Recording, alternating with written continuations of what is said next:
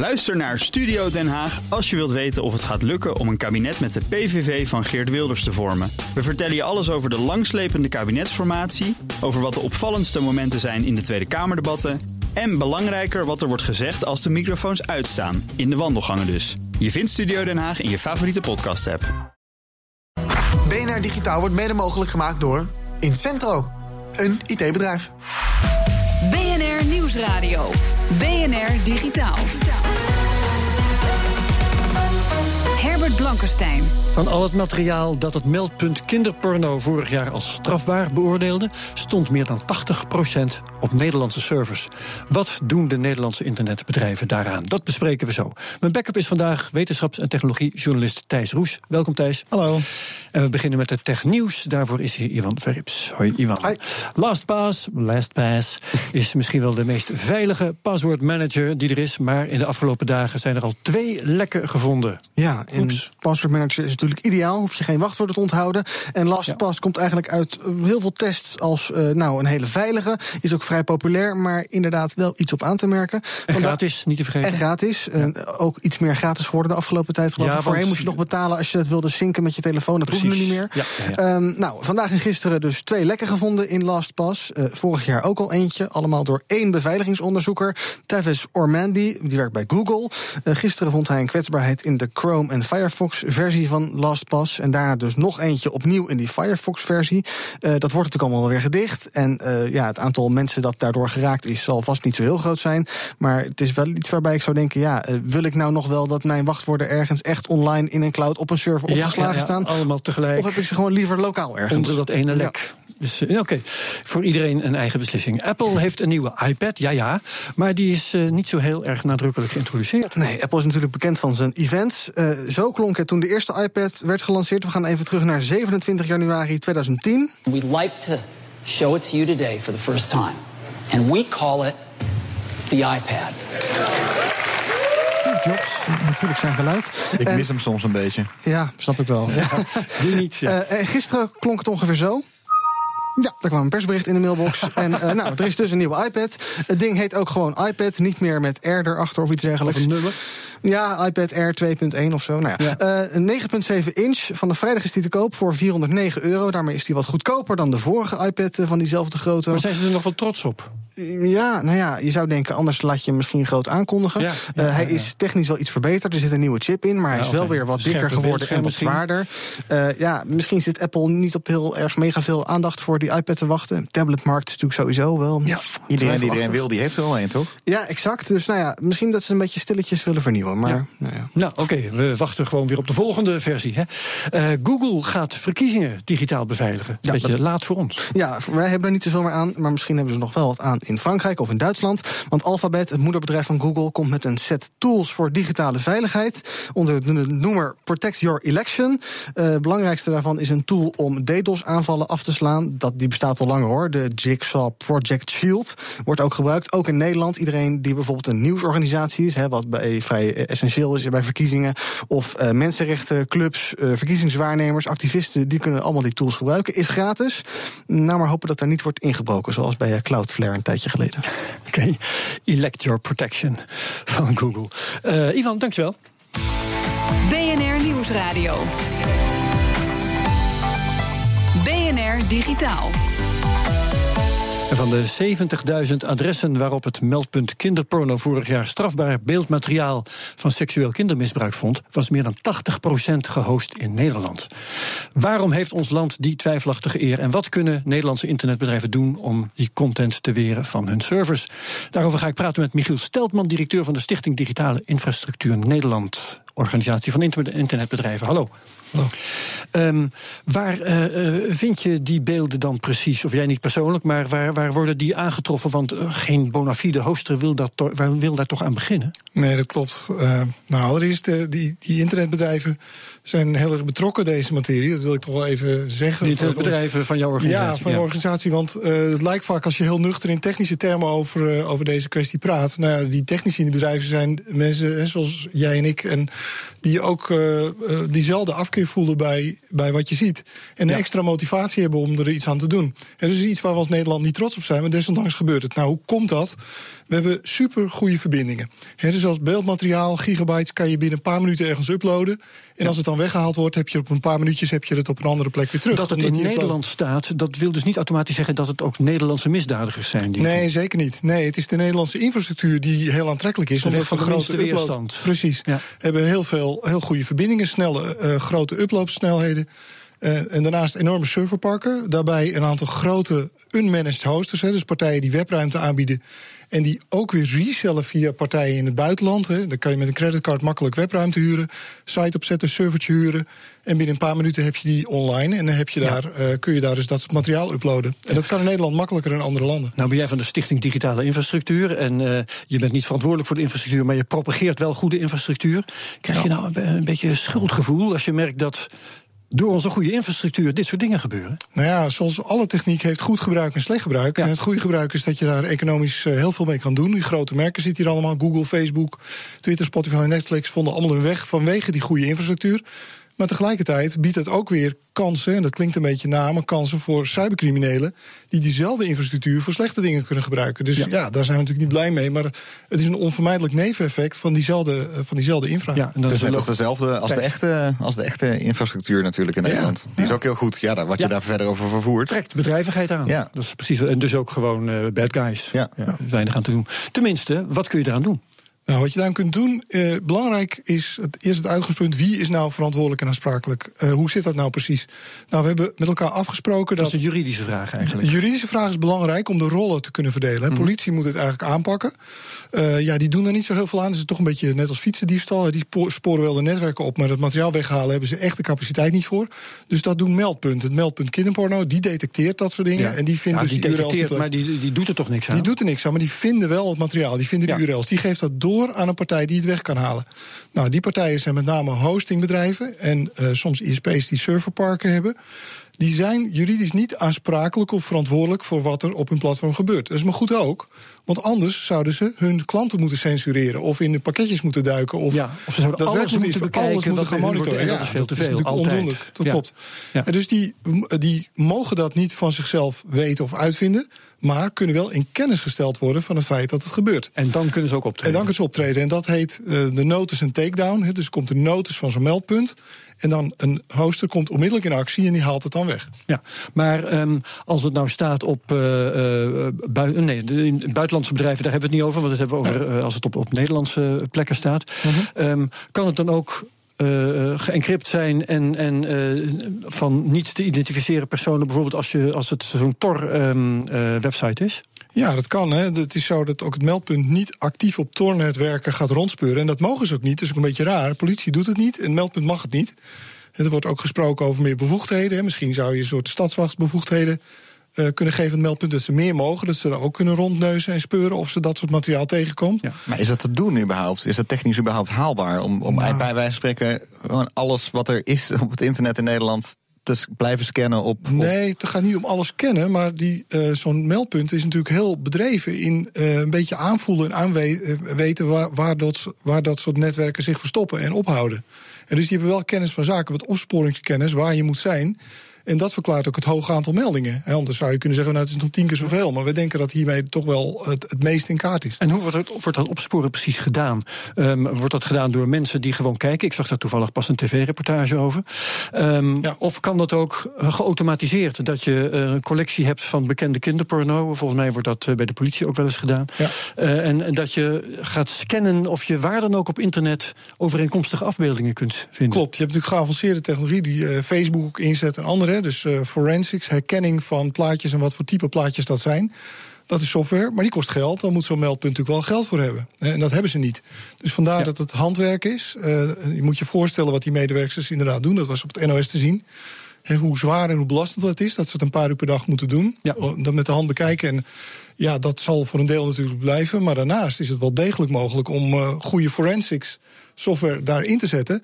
Maar ja, daar moet het meldpunt natuurlijk wel centjes voor krijgen. En die eh, krijgen ze helaas niet. Ja. En ja, dat vinden wij natuurlijk ook een beetje, beetje raar. Ja. Dat eigenlijk opsporingswerk doet en daar geen funding voor krijgen. Is er in dit soort zaken ook eh, wet of regelgeving die in de weg staat, bijvoorbeeld van, voor privacy? Dat opeens de misdadiger meer privacy heeft eh, dan. eh, dan eh, Nee, de- dat is het niet. Want het kinderporno. het slachtoffer. Het meldpunt gaat niet achter de daders aan. Het meldpunt gaat achter het materiaal aan. En alles, Ja. die informatie geven ze door een politie, justitie.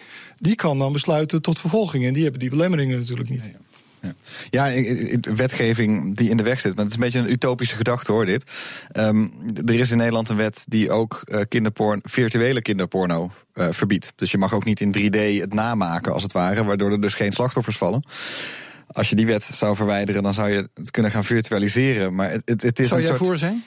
Ja, ik ben, dan zou je een soort van. Het lijkt bijna alsof je dan voor kinderporno bent. Maar het, het is een soort van.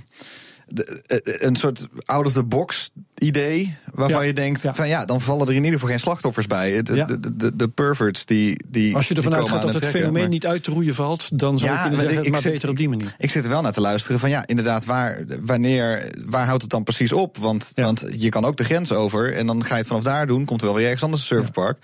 De planeet ervan, ja, dan misschien maar naar de wortel toe Ja. om het op te lossen. Maar dit is wel echt heel moeilijk Nou, als, als infrastructuuraanbieders kijken we heel nuchter in materie en zeggen van eh, voor ons is het een kwestie is het onmiskenbaar onrechtmatig. Een melding van onmiskenbare onrechtmatigheid. En wat de maatschappelijke achtergronden zijn, daar kijken we niet zo naar. Nee, want dat, nee, nee, daar precies. gaan wij ook niet over dat- als ja, sector. Dat is hard op over na te echt denken, een politieke afweging die op politiek niveau Ja. Moet, eh, Maar moet worden gevoerd. Juridisch is, is wat Thijs noemt virtuele kinderporno. Is dat eigenlijk onrechtmatig? Want daar worden geen. Ik weet niet precies wat er dan dat, in de wet dat, staat. dat- ja, dat, je, mag ook niet, je mag geen afbeeldingen maken die suggereren dat er een. eh, Ah, een dus kind dat mag ook niet. Ja. Ja, En het argument, eh, eh, Michiel, dat als je het in Nederland bestrijdt, dat het wel ergens anders heen gaat. Dat het eigenlijk toch vecht is tegen de bierkaai. Ja, dat klopt wel. Eh, Je kunt zeggen, het is een waterbedeffect. Dus waarom, Ja. dan kun je twee manieren kijken. Je kunt zeggen van ja, waarom dan al die moeite? Want het gaat toch gewoon door in een ander land. Je kunt ook zeggen, Nederland, en dat is de, onze, ons uitgangspunt. Nederland heeft een vrij bijzondere rol in het internationaal internet. Hè. Vint Cerf, de grondlegger zelf, die riep ons nog op: jongens, doe iets. Ja. En we hebben een internationale stem. Wij kunnen het goede voorbeeld geven met de best practices die wij hier doen. Als we die een podium geven, buitenlandse zaken, Koenders doet er iets aan. En we merken dat we IGF, allerlei podia waar we dat kunnen, kunnen uitdragen, dan kunnen we dat eh, ja, het goede voorbeeld geven. Dankjewel, Michiel Steltman van DINL, de Stichting Digitale Infrastructuur Nederland. En veel succes met deze actie. Dankjewel. Ambities om de nieuwe Michael van Gerwen te worden. Straks de bullseye die je niet kunt missen. BNR Nieuwsradio. BNR Digitaal.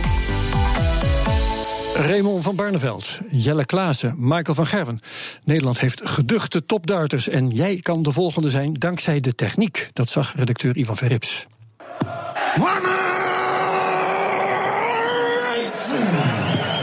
Is hoe het klinkt als je heel goed bent in darten. Maar dat ben ik niet. En jij waarschijnlijk ook niet. YouTuber Mark Rober heeft daarvoor een oplossing. You throw a dart, and as long as your initial throw is somewhere within this diameter or so, the dartboard helps out a little bit. Rober maakte een dartboard dat ervoor zorgt dat je altijd in de roos gooit. Niet omdat je beter gooit, maar omdat het dartbord je pijl volgt, het bord meebeweegt en daardoor altijd zorgt voor bullseye. Oh, het werkt trouwens ook andersom. If you use this dart, it makes you the world's worst dart player because it calculates the initial trajectory and then moves the board in the exact opposite direction. Maar hoe werkt dat meebewegende dartboard? Het bestaat uit twee delen. Je moet allereerst kunnen voorspellen waar het pijltje gaat landen. En daar heb je ongeveer 200 milliseconden voor. So the real secret here is that our dart has these tiny retro reflectors on it, and then we have a Vicon motion capture system. We have six eyes all around the room, and each of these eyes or cameras can take a 4K resolution picture 260 times per second. De camera werkt met infrarood om te bepalen waar het pijltje is. En om te berekenen waar het pijltje terecht gaat komen, dat was technisch wat lastig. Ze zijn met dit project drie jaar bezig geweest. Maar wiskundig gezien was het eigenlijk heel simpel. So now that we have the XYZ position of the dart as it travels through the air, and the trick here is that anything you throw into the air, neglecting air resistance, will travel in a perfect parabola. So we used our understanding of parabolas, and from a side view, we use that to predict the final up and down position of the board. Je weet nu waar de pijl terecht gaat komen en waar de roos zich dus moet bevinden. Tweede deel. Je moet het bord bewegen om ervoor te zorgen dat het op de goede positie komt.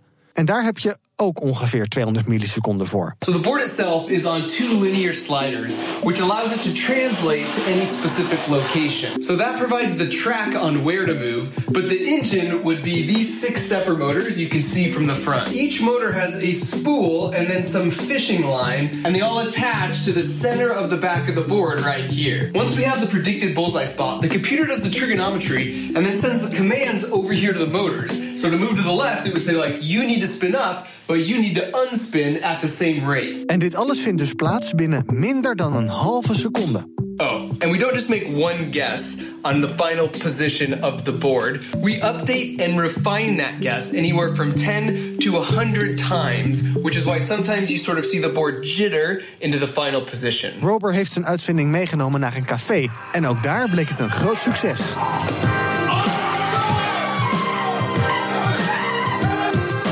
In general, we found if you're really drunk, you get so pumped at your new abilities, if not slightly confused. I used to suck at darts.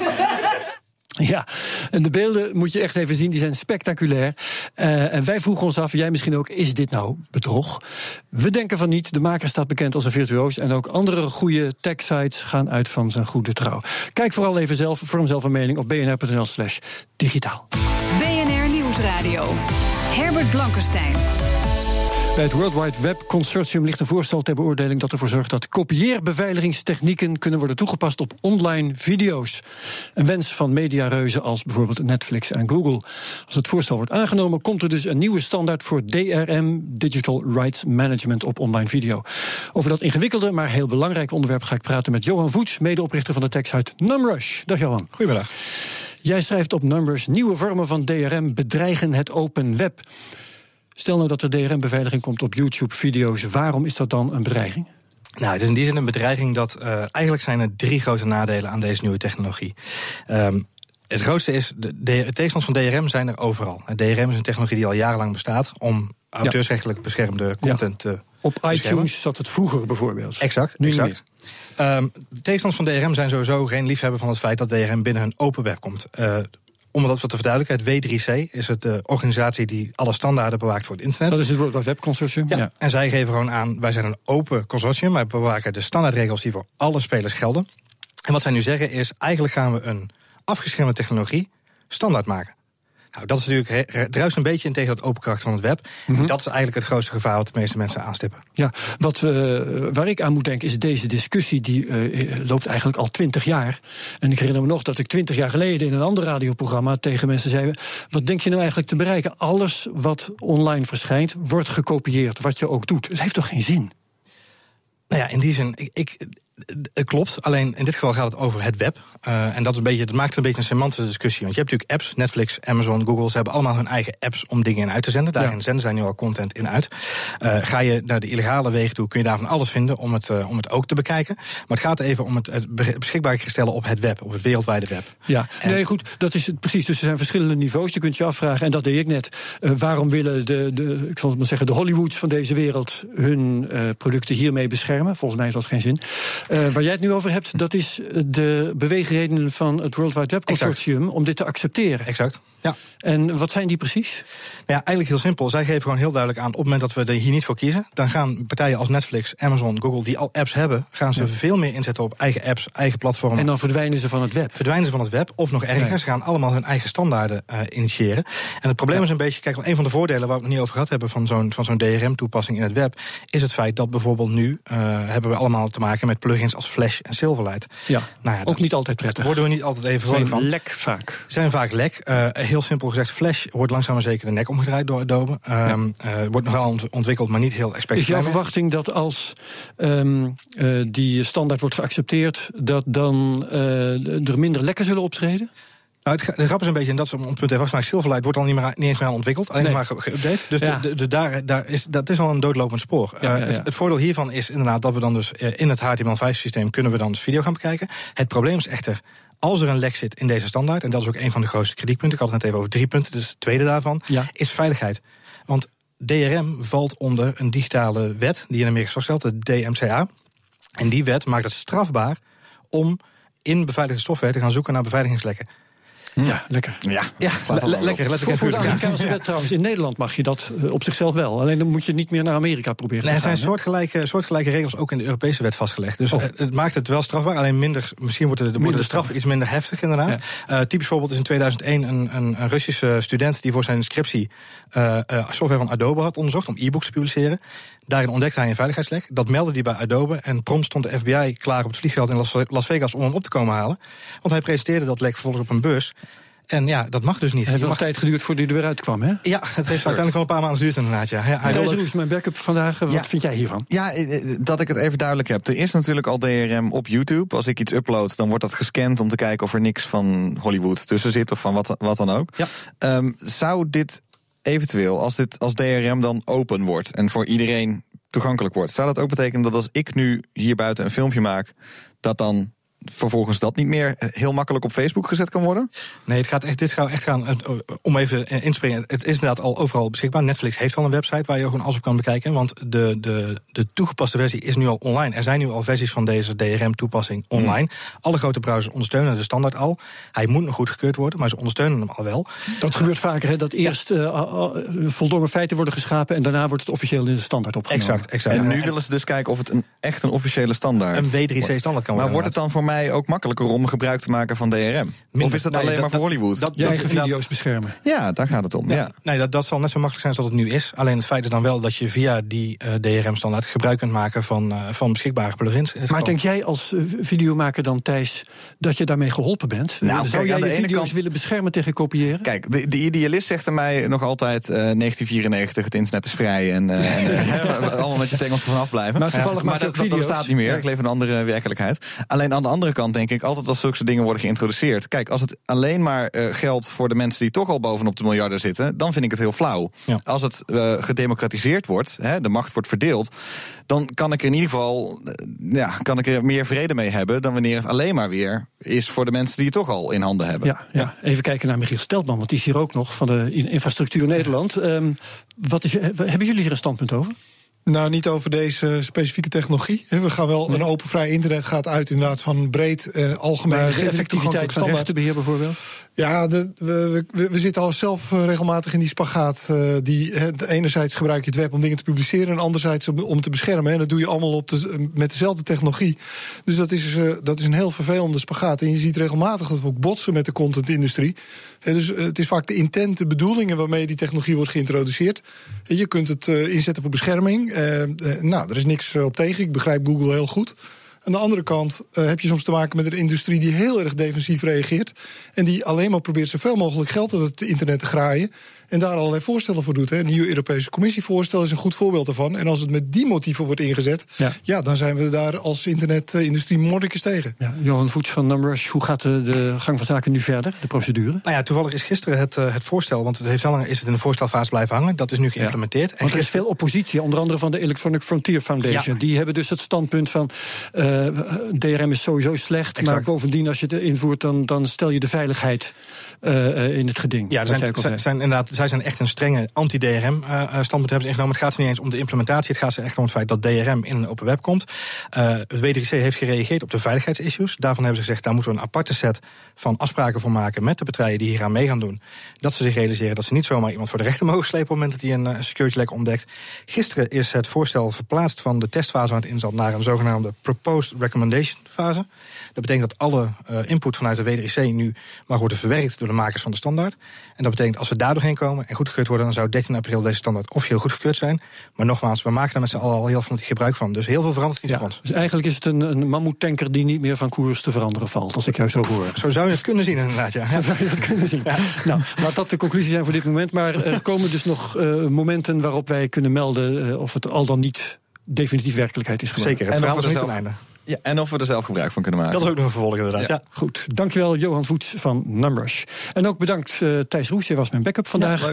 Tot zover BNR Digitaal voor nu de uitzending terugluisteren. Dat kan via de BNR-app, bnr.nl slash digitaal vind je die. En via de podcast via Spotify. Heel graag tot volgende week. BNR Digitaal wordt mede mogelijk gemaakt door Incentro, een IT-bedrijf. Bij BNR ben je altijd als eerste op de hoogte van het laatste nieuws. Luister dagelijks live via internet. Bas van Werven. En heel langzaam komt de zon op rond dit tijdstip. Je krijgt inzicht in de dag die komt op BNR, het Binnenhof in Nederland en de rest van de wereld. De Ochtendspits. Voor de beste start van je werkdag. Blijf scherp en mis niets.